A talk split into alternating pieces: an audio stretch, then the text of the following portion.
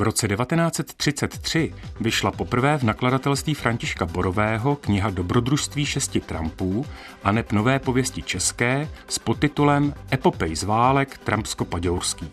Kniha autorské dvojice Vlastimil Rada a Jaroslav Žák se rázem stala velmi populární a později byla autory začleněna do volného cyklu tzv.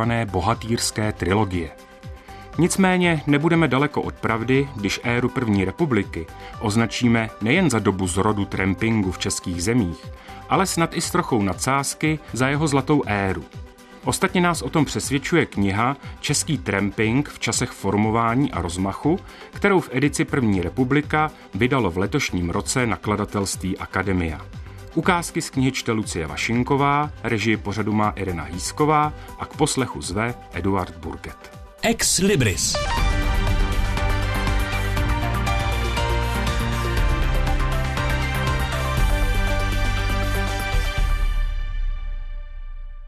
Pětice autorů podepsaná pod knihou jmenovitě Jan Krško, Jan Mareš, Jan Pohůnek, Jan Randák a Jan Špringl se tématem trampingu zabývají již delší dobu.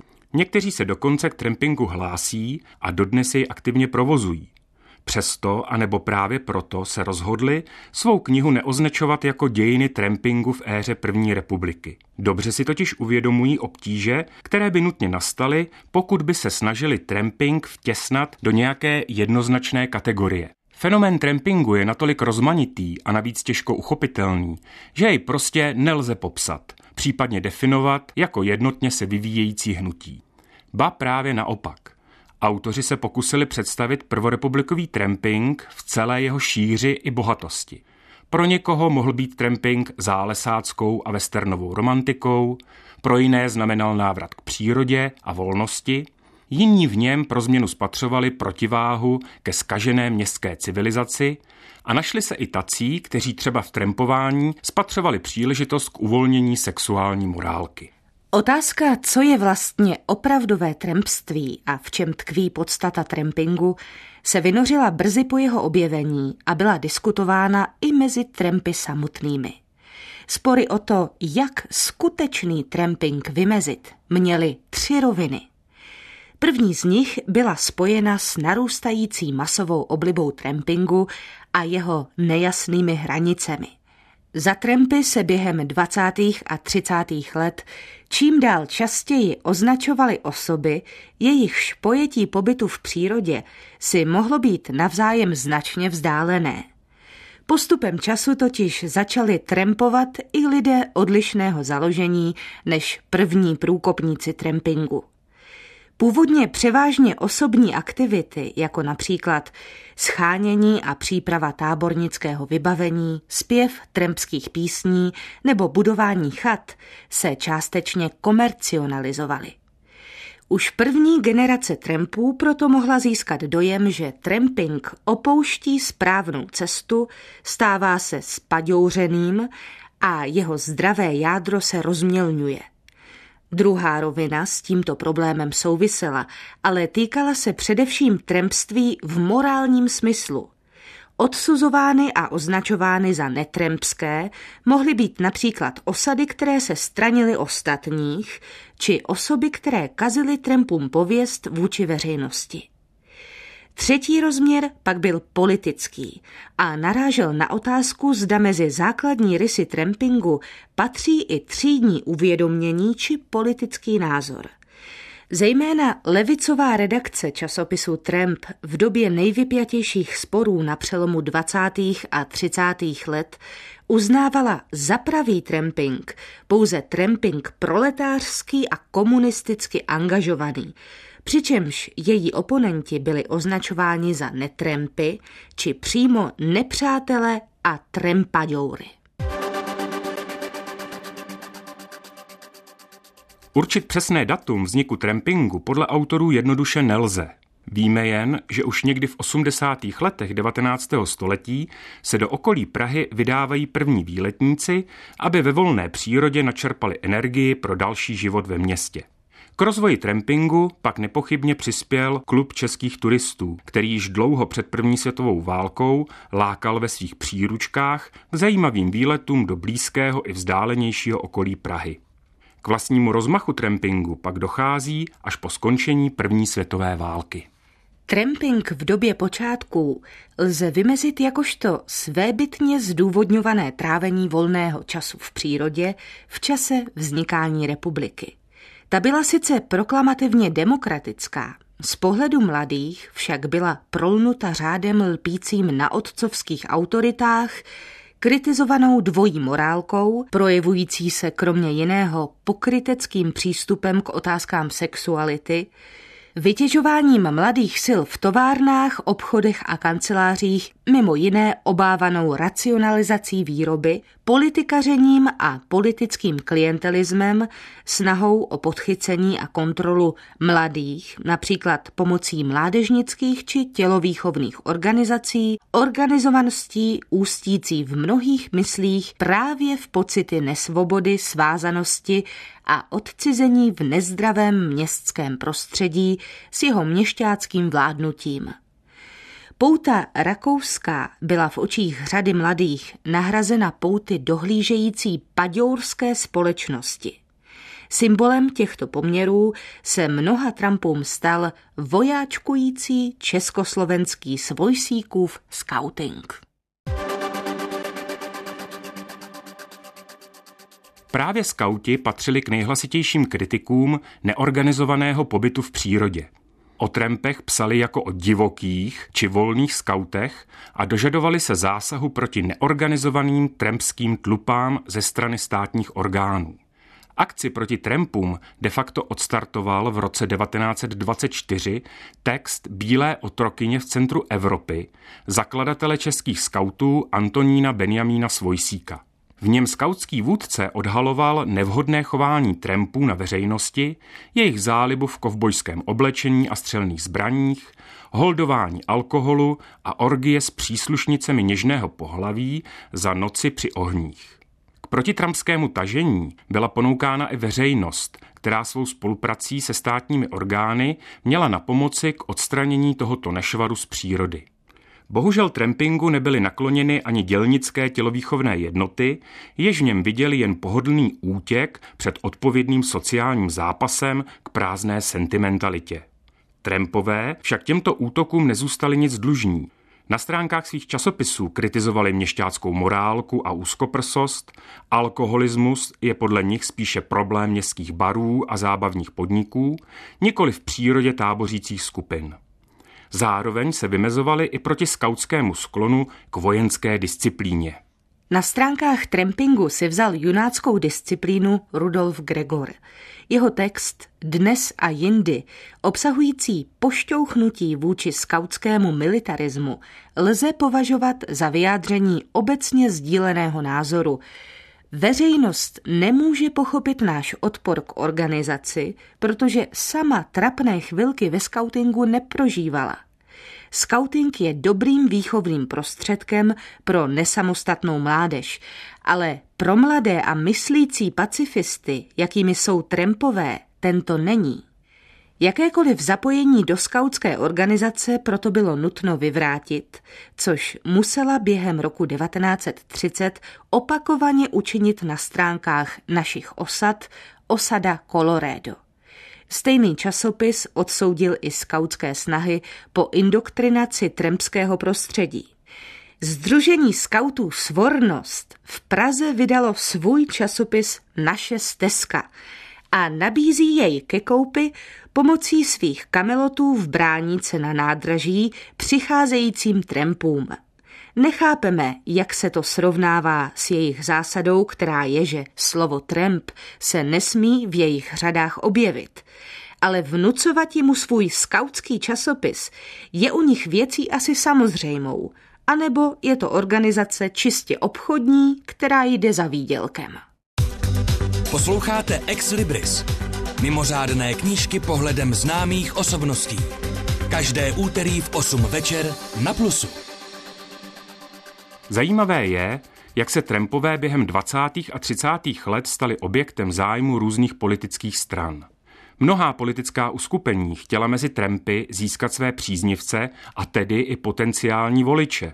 Druhá věc pak byla, že v letech meziválečného Československa se otázka politické příslušnosti stala i častým zdrojem konfliktu mezi Trempy samotnými. Jisté je, že velké sympatie měla mezi Trempy alespoň z počátku komunistická strana Československa. Dnes se nám to může jevit jako zajímavý paradox, když si navíc uvědomíme, že to byla právě KSČ, která se po roce 1948 snažila tramping regulovat a mnohdy proti trampům zasahovala i silou. Mnoho trampů navíc pocházelo spíše ze slabších sociálních vrstev, což do značné míry předurčovalo jejich náklonost k levici. Přestože tramping byl od samého počátku stavěn na principech neorganizovanosti a volnosti, docházely v průběhu 30. let některé trampské osady k názoru, že určitá míra organizovanosti bude asi nezbytná. Pokud chtěli trampové získat oficiální souhlas k pořádání různých sportovních či hudebních akcí, museli žádost podávat jako státem schválené organizace. Krom politického přesvědčení to byl další moment, který mezi Trampy vyvolával četné rozepře. Některé trampské skupiny myšlenku organizovanosti opakovaně odmítali. Tento názor nakonec v tremském hnutí přeci jen převládl. Dobrovolné zakládání tremských spolků však mělo své limity. Pokud združení propagovalo ideologii KSČ, okresní zpráva tvrdě zasáhla a daný spolek rozpustila. Svůj krok odůvodňovala tím, že prozájmový spolek je politická agitace nepřípustná. Represivní složky se však často odkazovaly i na ochranu přírody a prevenci pytláctví. V květnu 1931 tak ve snaze zabránit potlachům komunistických trampů na Otavě zmiňovali četníci nepovolený rybolov. Obdobně se snažili na rudé trampy svalit vinu za vykrádání chat na Lužnici. Okradení osadníci však prohlásili, že by komunisté něco takového neudělali a pachatelem byl jistě někdo jiný. Postup státních orgánů vůči komunistům tak s nelibostí vnímali i ti trempové, kteří k jejich straně neměli původně žádný vztah. Považovali to za útok na svobodné táboření a přijímali názor svých kamarádů s komunistickými názory, že tramping je především reakcí na pokryteckou morálku maloměšťácké společnosti. Nebyli to ovšem jen komunisté, kteří ve 30. letech nahlíželi na tramping jako na adekvátní reakci mládeže na prohnilost československého státu. V oblasti trampingu velmi aktivně vystupovali i členové hnutí Vlajka a Národní obce fašistické. Politické uskupení, jež mělo počátkem 30. let k fašismu blízko, Národní liga vedená Jiřím Stříbrným, dokonce ve svém tiskovém orgánu Polední list zřídila samostatnou rubriku věnovanou trampingu. Tato politizace trampského hnutí ovšem nebyla zdaleka všem trampům blízká. Správný tramp není ani pravý, ani levý. Politikaření patří do skaženého města, nikoliv do přírody, kde jsou si všichni rovni a kde je nalézáno pravé lidství a upřímné kamarádství. Proto více než politizaci trampingu je v knize věnován prostor tomu, nakolik a jak se fenomén trampování odrazil v meziválečné populární kultuře. Jednou z náplní trávení volného času na osadách a tábořištích, při jízdě vlakem, plavbě parníkem či v trempy oblíbených hostincích se již záhy stal zpěv. Nejdříve se zpívaly různé populární skladby, kuplety či městská písničkářská tvorba. Ovšem brzy začaly vznikat písně, které snad již můžeme označit za trempské. I ty však korespondovaly z hlediska muzikální složky s tehdejší zábavnou hudební produkcí. Nejprve byly na přejímané melodie skládány nové texty, v kterých se objevují motivy z dobrodružné literatury a filmů. Co je to však trempská písnička? O tom se vedou spory od jejího zrodu. A podobně jako v případě definice trampingu, ani v této záležitosti nebude pravděpodobně nikdy nalezena schoda. Je však jisté, že trampská píseň je vždy pod vlivem soudobých hudebních populárních trendů, jež může zpětně ovlivňovat. V tremské hudební tvorbě jsou důležité texty, které se v době první republiky věnovaly zejména dobrodružství, životu na osadách, vandrování, přírodě a také radostem i strastem milostného života. Některými skladbami se Trempové též vyhraňovali vůči vnějšímu okolí. Z hlediska vzniku a projevu měla tremská píseň zpočátku velice blízko k spontánní lidové zpěvnosti. Posléze se k němu přidal rozměr komerční, profesionální produkce. Tyto dvě roviny se prakticky od počátku 30. let až do dnes prolínají a doplňují. Proslýchá se v kruzích odborný, že prý za několika málo dní Tremské písně prosím žádný semí, má být státní hymna národní. Dneska v době tanga foxtrotu Tremskou píseň složíš, co by mrk. Tremských písní máme v porotu, Tremská píseň už leze skrz krk. Prachno však nese stále, vezmi recept, skládej dále šprům.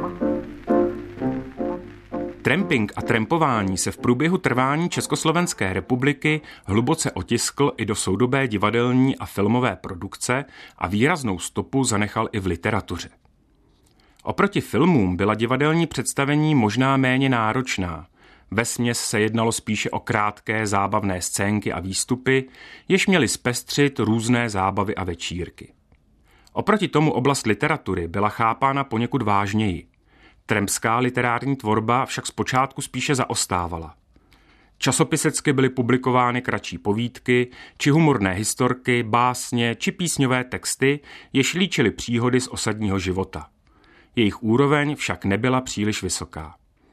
Za první tremský román je považována až Arizona Jaroslava Jana Paulíka, jež poprvé vyšla v roce 1928. Příběh získal velmi rychle oblibu mezi trampy, neboť zcela zapadal do myšlenkového světa trampingu svým ústředním motivem, jímž byla touha uniknout před společenskými konvencemi a nalézt vlastní autenticitu. Nejvýraznějšího literárního zpracování se Tramping dočkal v trempských zkazkách Boba Hurikána s podtitulem Naše dějiny. Kniha vyšla v roce 1933 a její první část obsahovala základní periodizaci dějin a popis prostorového vývoje trampingu. Druhá se skládala z různých příběhů situovaných do bezčasí počátku trampingu, v nichž splývaly Bobovy vzpomínky a autorská licence v žánru skazky. Ta přetvářela humorné a dobrodružné příběhy až v mytologická vyprávění, odehrávající se v o něch báječných časech, kdy Trempové žili nezasažení vnějším světem. Zároveň ale dodávala tremským dějinám lidský rozměr konkrétních osob, míst a situací. V dějinách trampingu z roku 1940 hurikán již upustil od této složky a v trempské beletrii již nepokračoval. Pokud hovoříme o populární kultuře s tremskou tématikou, musíme mít na paměti, že hudba, film, divadlo a literatura v tomto prostředí fungovaly jako celek a propojeně. Z literatury čerpali filmové scénáře, které hudebně doprovázely tremské skupiny. Hudební skupiny složené z trempů pak vystupovaly v divadelních hrách, třeba i osvobozeného divadla či souboru divadla Vlasti Buriána. K tematice trampingu se pak začali obracet autoři, profesionální umělci, kteří se chtěli zavděčit publiku, což vedlo k určité komercionalizaci trampských myšlenek. Například gramofonový průmysl hojně využíval komerčního potenciálu tremské písně. Díky gramofonovým deskám pak mnozí autoři, soubory a interpreti našli slušný přivídělek, ba přímo i obživu. V tremském prostředí se v této souvislosti ozývaly kritické hlasy, které chtěly střežit autenticitu a čistotu trampingu. Komercionalizace zas ale na druhé straně přispěla k tomu, že se ve 30. letech začíná tramping ve společnosti vnímat jako společensky akceptovatelná a oblíbená rekreační zábava. Tedy nic, co by mělo nějak zásadně poškozovat mravopočasnost kohokoliv. Protestní tremská subkultura se během několika let začala pozvolna proměňovat v neškodnou, ba mnohdy i vítanou volnočasovou aktivitu. V poslední části svého pojednání o trampingu se autoři věnují ještě jedné velmi výrazné složce tremského života, a tou byl sport. Na začátku sice nehrál nějak zásadní roli, protože jaksi nesouzněl s tremskou romantikou. Zpočátku Trempové ani neměli pro sportovní aktivity dostatečný prostor. Nicméně koncem 20.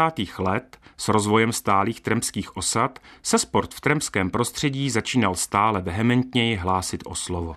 Za první velkou sportovní událost bývá obvykle považována první Trempská olympiáda, kterou roku 1927 uspořádala povltavská osada Albatros. Zúčastnilo se jí sice jen šest osad, ale počet závodníků přesáhl stovku. Proč se vlastně Trempové rozhodli uspořádat olympiádu? Jednoduše proto, že jiná odpovídající dobrodružství nebyla po ruce – Sport byl náhradou zakrocení Mustanga Rodeo či závody psích spřežení pro českou kotlinu. Tak se stalo, že divocí kanaďané, kaubojové pistolníci, střelci, trapeři, zálesáci, stopaři a trempové pořádají civilizovanou olympiádu. O dva roky později, když stejná osada slavila deset let své existence, byly opět uspořádány sportovní závody. Těch se nyní zúčastnilo 8 osad a přes 200 závodníků. Celkem se závodilo v sedmi disciplínách. Týmy pověřovaly své výkony ve fotbalu a volejbalu, jednotlivci zase v plavání, běhu na 100 metrů a v přespolním běhu. O významnosti sportu svědčí i to, že bez sportovní rubriky respektive pravidelných informací o výsledcích nejrůznějších utkání a turnajů, se neobešel žádný z trempských časopisů.